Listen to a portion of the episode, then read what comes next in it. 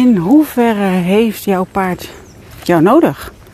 Ehm, dat is iets waar ik het deze aflevering een beetje over wil hebben.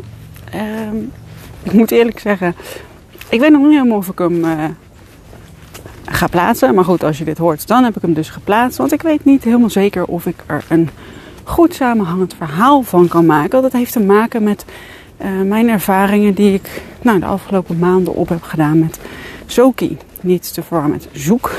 Zoek was mijn paard en Zoki is een Bosnian Mountain Horse. Ja, die als een soort van uh, uh, ja, vriendje uh, mag leren kennen. Nieuwe, nieuw maatje mag leren kennen.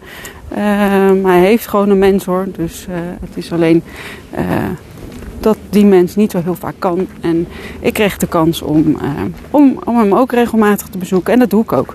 Um, dus nou, welkom bij alweer de dertigste aflevering van de Paardenfeest podcast. Waarbij ik je tips en inspiratie geef om jouw paard lekker in zijn vel te houden en te krijgen. En daarna weer te houden. ja, heeft jouw paard je nodig? Um, als je me dat een paar jaar geleden had gevraagd, nou, toen leefde Bazoek nog. Um, toen dacht ik heel erg in dingen als: nou, hij moet um, mij niet nodig hebben om zijn eten te krijgen. Hij moet mij niet nodig hebben voor gezelschap. En hij moet mij niet nodig hebben om invulling te geven in zijn leven. Dus, en dat vind ik nog steeds. Um, wat ik merk, uh, waar ik heel erg naar kijk, is hoe leven paarden in nou ja, semi-wild. Want echt wild bestaat natuurlijk niet meer. Maar hoe leven paarden die uh, uh, ja, toch wel een soort van gezonde familiestructuur erop nahouden. Dan heb ik het echt over een haren met een hengst, eventueel een secondant hengst, wat merries en nakomelingen. Hoe leven die? En in hoeverre wijkt dat af van ja, wat wij doen? En niet omdat ik vind dat we de natuur helemaal moeten nabootsen. Want ik denk dat dat heel lastig wordt. Maar wel om te begrijpen waarom wij toch met onze paarden tegen allerlei problemen aanlopen. Waarom er toch best wel veel paarden zijn met, als ik het even tussen aanhalingstekens gedragsproblemen uh, mag noemen. Waarom hebben we zoveel paarden met jeuk? Waarom hebben we zoveel paarden die gevoelig zijn uh, voor hoefbevangenheid? Waarom uh, bestaan er dingen zoals PSSM, ECVM? Waarom? Hoe, komt dat? En ik denk zelf steeds meer dat chronische stress daaraan ten grondslag ligt. Nou, um, chronische stress, wat ik zie, is dat hoe verder een paard afstaat van nou ja, die natuur, hoe groter het risico is op chronische stress. Ik zeg niet dat uh, alle paarden dat in even grote mate hebben, maar ik denk wel dat onze paarden in de problemen komen door keuzes die wij hebben gemaakt. Um, wat ik al vaker heb benoemd is het fokken. Hè. We hebben ze echt minder stabiel gemaakt, dus daar heb je al een heel groot punt.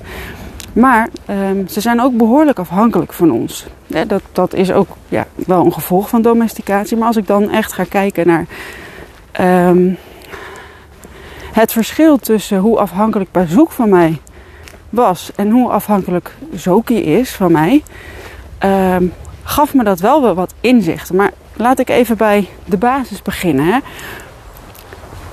Ik vond het vroeger een grote eer als mijn paard naar mij hinnikte. En natuurlijk uh, kan dat nog steeds ook. Hè, je, kan je, je, paard kan hinniken van: hé, hey, wat leuk dat je er bent. Um, je paard kan ook hinniken van: oh mijn god, je bent er. Eindelijk iets te doen. Eindelijk eten. Uh, eindelijk iets anders dan ja, wat ik nu de hele tijd zie. Dat is voor mij wel echt een verschil. En het is natuurlijk altijd een beetje aan interpretatie onderhevig of jouw paard in categorie A of B valt. Maar um, probeer daar in ieder geval eerlijk naar te kijken. Hè. Um, dat is wel, denk ik, een belangrijk verschil. En ja, de wens is heel vaak vader van de gedachte. Dus ook ik denk toch het liefst dat een paard hinnikt uh, met de intentie van... hé, hey, wat leuk, jij bent er ook een keer. Uh, in plaats van, oh mijn god, uh, verlos me alsjeblieft van mijn saaie leven. Als je snapt wat ik bedoel. Dus daarom vind ik het heel belangrijk dat ja, binnen de grenzen die we onze paarden kunnen, uh, ja, die we, die we kunnen stellen en geven, dat we onze paarden zoveel mogelijk keuzevrijheid bieden. Um, keuzevrijheid, zoveel mogelijk keuzes bieden. Hè? Dat hij in ieder geval kan kiezen wanneer hij eet, hoeveel hij eet, of hij binnen of buiten wil staan, met wie hij staat, uh, of hij wil slapen. Uh, dat zijn eigenlijk vrij basale dingen die denk ik heel belangrijk zijn voor een paard om te kunnen.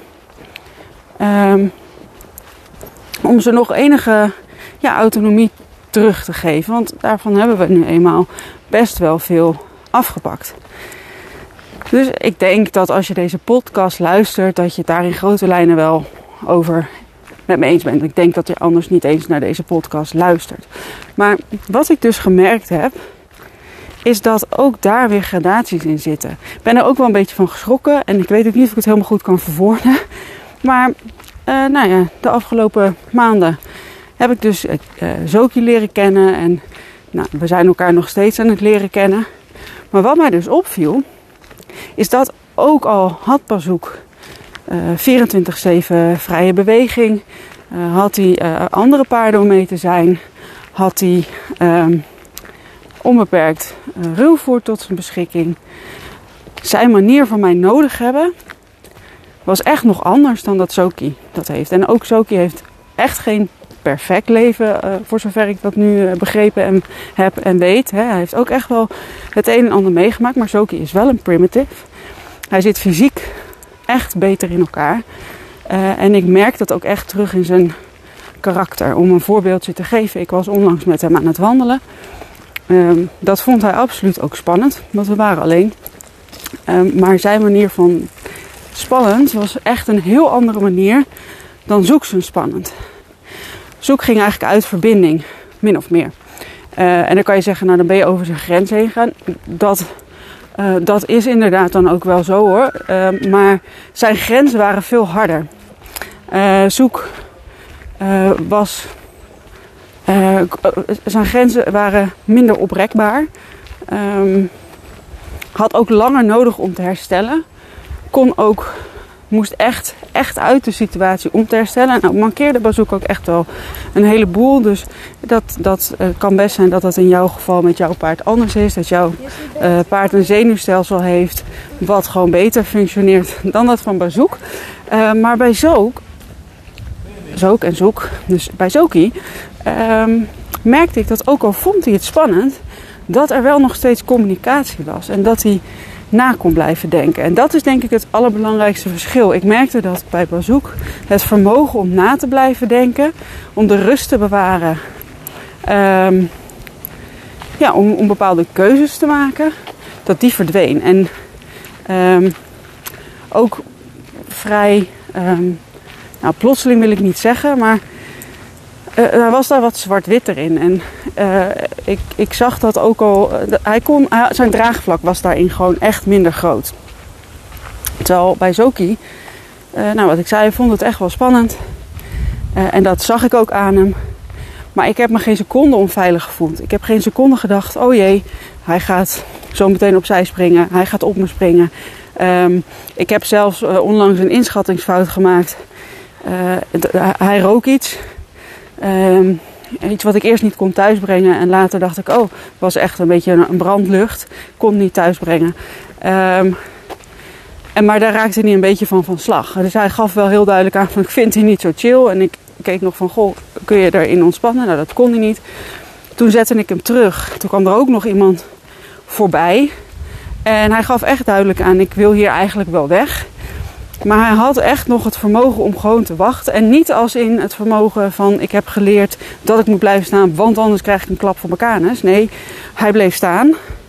Vond het niet leuk, maar hij bleef waar hij was. Ik kon het halster losmaken en pas toen rende hij weg. Um, ja, en ik realiseer me heel goed dat nou, voor mij geldt wel dat ik heb dit soort dingen moeten ervaren en moeten zien om het verschil echt te voelen. Dus misschien denk je, Jolien, wat, wat, wat ben je slap aan het kletsen? Ik begrijp werkelijk niet waar je het over hebt. Uh, dit doet mijn paard ook. Ja, ik snap dat je het denkt, maar ik denk, ik hoop dat je een beetje van me aan wil nemen dat ik vrij zeker weet dat jouw paard dat waarschijnlijk niet op die manier doet. Um, omdat ik eigenlijk geen één paard tegenkom dat op die manier uh, ja, in staat is om na te blijven denken. Uh, en als ik dan terugkom op, die, op dat stuk afhankelijkheid, in hoeverre heeft ons hebben onze paarden ons nodig? Um, wat ik in de natuur zie en wat ik eigenlijk ook voor een groot deel nog wel bij Zoki terugzie, is dat uh, in de natuur hebben die paarden elkaar. En hebben ze elkaar nodig om hun zenuwstelsel te kalmeren, om zich veilig te voelen, om verbinding aan te gaan, om op zoek te gaan naar eten, om zich voor te planten, eigenlijk al die dingen. En ja, doordat wij uh, paarden op een bepaalde manier fokken uh, en ook veulentjes houden, en zie je dat je daar al behoorlijke breuken in krijgt. Want onze paarden krijgen niet echt de gelegenheid om te ervaren hoe het is om echt in een stabiele groep op te uh, groeien. Uh, met paarden die elkaar goed kennen. Met paarden die um, uh, echt een bepaalde verbinding met elkaar hebben. En waar ze dus ook echt leren hun rust te pakken. om samen te werken. Dat, ik zeg niet dat onze veulens het gelijkbaar slecht hebben. Maar ik zie daar wel een verschil in. En ik denk dat het goed is dat we die verschillen echt gaan snappen. En ik, nou ja, nogmaals, ik hoop dat ik het duidelijk kan maken. Want ik, ik kan me echt voorstellen dat je denkt, ja, waar heeft die vrouw het over? Maar ik doe mijn best. Um, dus, en eigenlijk, hè, wat, je, wat je ook ziet, wat ik, wat ik me ook steeds meer realiseer, is dat um, als een veulen uh, semi-wild geboren wordt, dan gaan, gaan moeder en veulen gaan met elkaar een band aan. Moeder gaat voor het veulen zorgen, hoe moe ze ook is. Hoe pittig de bevalling misschien ook wel is geweest. Zij gaat voor dat veulen zorgen. Um, en zij alleen. En wat ik bij heel veel um, ja, gedomesticeerde veulentjes zie, uh, is dat mijn mensen er ons er best snel tegenaan gaan bemoeien. Waardoor je eigenlijk die eerste ja, um, kennismaking, uh, die eerste minuten, uh, minuten van Mary en Veulen samen, dat je die eigenlijk al best wel verstoort. En ik zeg niet wat goed of fout is, hè, maar het is wel iets wat me opvalt. En wat mij dus ook is opgevallen, is dat de merries die semi-wild uh, functioneren, hun veulens ook echt beschermen. Zij zijn de eerste, als ik het nu goed gezien heb, hè, want mijn kennis groeit ook, maar zij zijn de eerste die contact maken met het veulen en die beschermen ook het veulen. Ja, beschermen het veulen tegen de rest klinkt een beetje uh, fout, denk ik. Maar uh, zo'n veulentje heeft de taal nog niet geleerd. Die heeft geen idee. Dus dat moet hij allemaal op zijn gemak leren. En zijn moeder zorgt gewoon dat hem niks overkomt bij bijvoorbeeld miscommunicatie met andere paarden. En um, ik denk dat wij als mensen ons er misschien soms iets te snel tegenaan gaan bemoeien. Ik heb het ook gedaan hoor. En ik heb me er absoluut ook schuldig aan gemaakt. Hè, veulentje is lief, veulentje knuffelen, veulentje kroelen. En ze zijn hartstikke schattig. En die merries laten dat ook toe. Maar eigenlijk is dat dus al best gek dat heel veel merries dat prima vinden. En misschien ook een gevolg van domesticatie. Maar de vraag die ik me dan weer stel, is dat een wenselijk gevolg van domesticatie? Want het is natuurlijk voor ons mensen wel heel fijn en heel handig als een veulentje zich laat aanraken. En ja, ik hoor ook gelijk andere mensen zeggen, ja, maar wat als ik met mijn veulentje naar de dierenarts moet en ik kan hem niet aanraken? Ja, daar kun je je allerlei...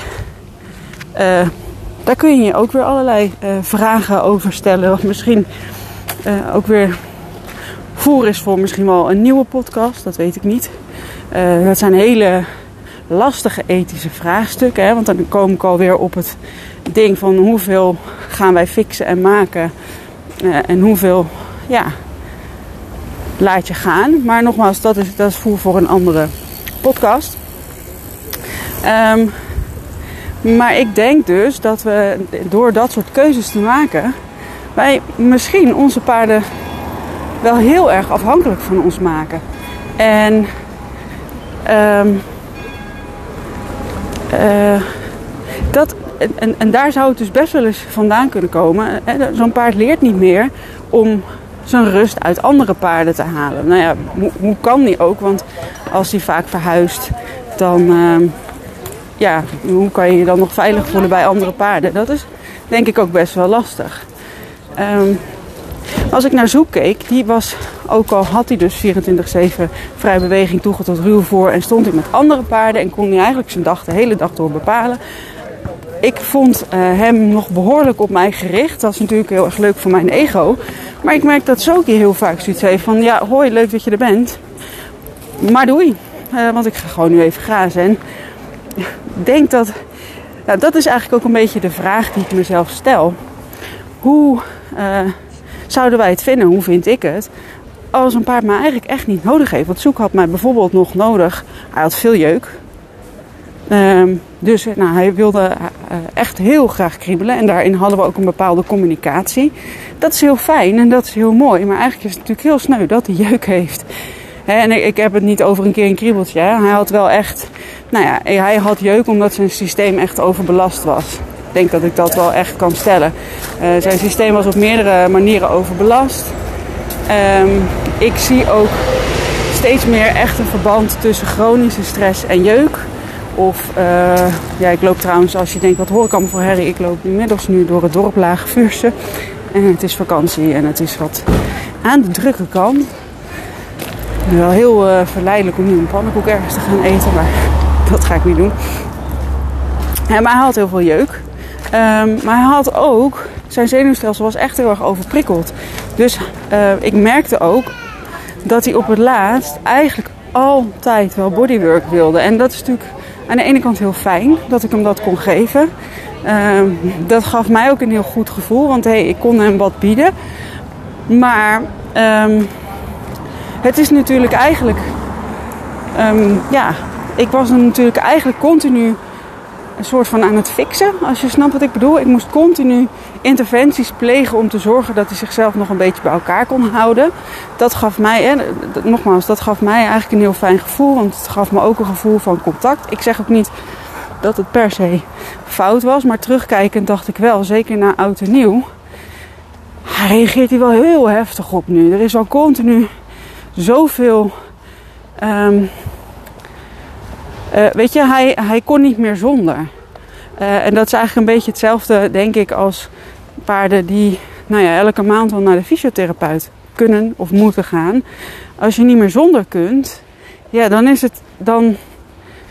Uh, dan is het de vraag hoe overbelast is zo'n systeem dan? Als je dat echt nodig hebt om, om nog enigszins je leven te kunnen leven. Um, ja, en ik merk dus dat ik bijvoorbeeld met Sook, ja, Soki, hij ziet me aankomen met, met mijn bodywork. En misschien dat hij het op termijn wel zou kunnen waarderen hoor. Dat, uh, geen idee. Ik heb dat, ook, ik, dat niet zo uitgeprobeerd. Um, maar het is een hele andere manier van samen zijn dan dat ik met zoek gewend was. En um, waarvan ik denk dat heel veel, eh, heel veel mensen die echt hard voor, voor dieren hebben. En, en ik zie heel veel mensen eh, bijvoorbeeld ook paarden redden. Uh, die bijvoorbeeld ergens heel slecht hebben gehad. Ja, er zit ook een bepaalde afhankelijkheid in zo'n paard. Uh, en ik zeg niet dat het fout is. Hè? Ik zeg ook niet dat je het niet moet doen. Maar het bracht mij wel heel erg bij de vraag van... Goh, hoe zit dat nou eigenlijk met die afhankelijkheid? En uh, wat vind ik daar eigenlijk van? Uh, nou, laat ik in ieder geval zo zeggen. Ik begrijp wel ook weer steeds meer waar al die problemen vandaan komen. Want ik zie, voor, ik zie natuurlijk ook vooral paarden met problemen. Ik kom zelden bij een paard waar niet zoveel mee aan de hand is. Uh, ik kom er niet. Maar ik zie ze ook niet. Ik zie ze ook niet bij. Um, nou ja, wat ik wel eens vaker zeg. Ik kom natuurlijk op een plek. En nou, daar staat meestal niet maar één paard. Daar staan er wel meer. Ja. Um, ik denk dat het proberen onze paarden zo zelfstandig mogelijk te krijgen uh, wel heel erg belangrijk is. En, um, en ik heb dus ook gezien dat we het daarin onszelf en onze paarden dus ook best wel lastig hebben gemaakt. Um, dus zelfs als je je basisvoorwaarden voor elkaar hebt, hè, de, wat ik zei, eh, nou ja, wat ik al drie keer heb gezegd, voer, uh, vrijheid van beweging en, en vriendjes en je, dag- en nachtritme of je, eigenlijk gewoon ja, je, je 24 uur ritme kunnen bepalen.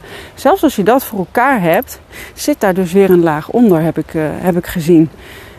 En een laag die ik me nog niet echt heel erg had gerealiseerd. Maar die ik nu, waar ik de puzzelstukjes een beetje van begin te leggen. Omdat ik, uh, nou ja, omdat ik weer meer uh, kennis opdoe en meer zie hoe het bij nou, semi-wilde paarden aan toe gaat. Dus ik ben echt super benieuwd wat de, deze podcast met jou doet.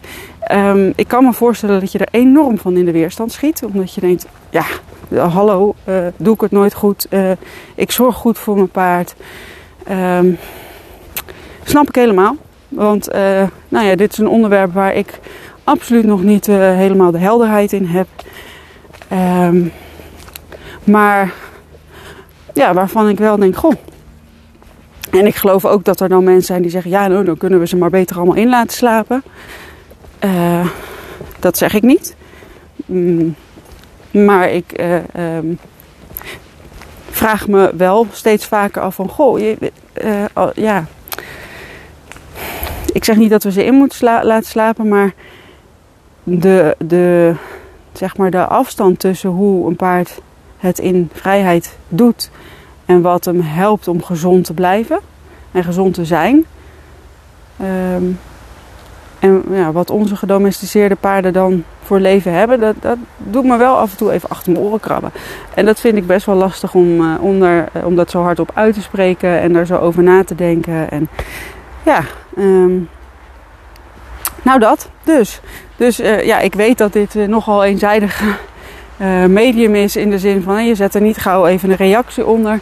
Maar um, nou, dit is wel een onderwerp wat ik uh, wel graag met je wilde delen, maar waarvan ik ook wel heel erg me goed realiseer dat het misschien lastig is of pijnlijk. Of, um, en nou, als je wil reageren, zou ik dat, vind ik dat heel erg mooi, zou ik dat heel erg op prijs stellen. Uh, en ik hoop dat je dat dan ook op een dat je daarin ook kunt zien van nou, wat doet het met mij? Wat, wat voel ik erbij bij, dit, uh, bij deze wetenschap? Word ik er boos van? Word ik er verdrietig van? Um, ja, ik ben er gewoon benieuwd naar. Nou, um, ik ben inmiddels ook bij mijn auto aangekomen. Dus uh, ik denk dat het uh, een mooi moment is om deze podcast af te sluiten. Heel graag tot een volgende keer, als je nog durft. en nou ja, heb een hele fijne dag. Hoi hoi.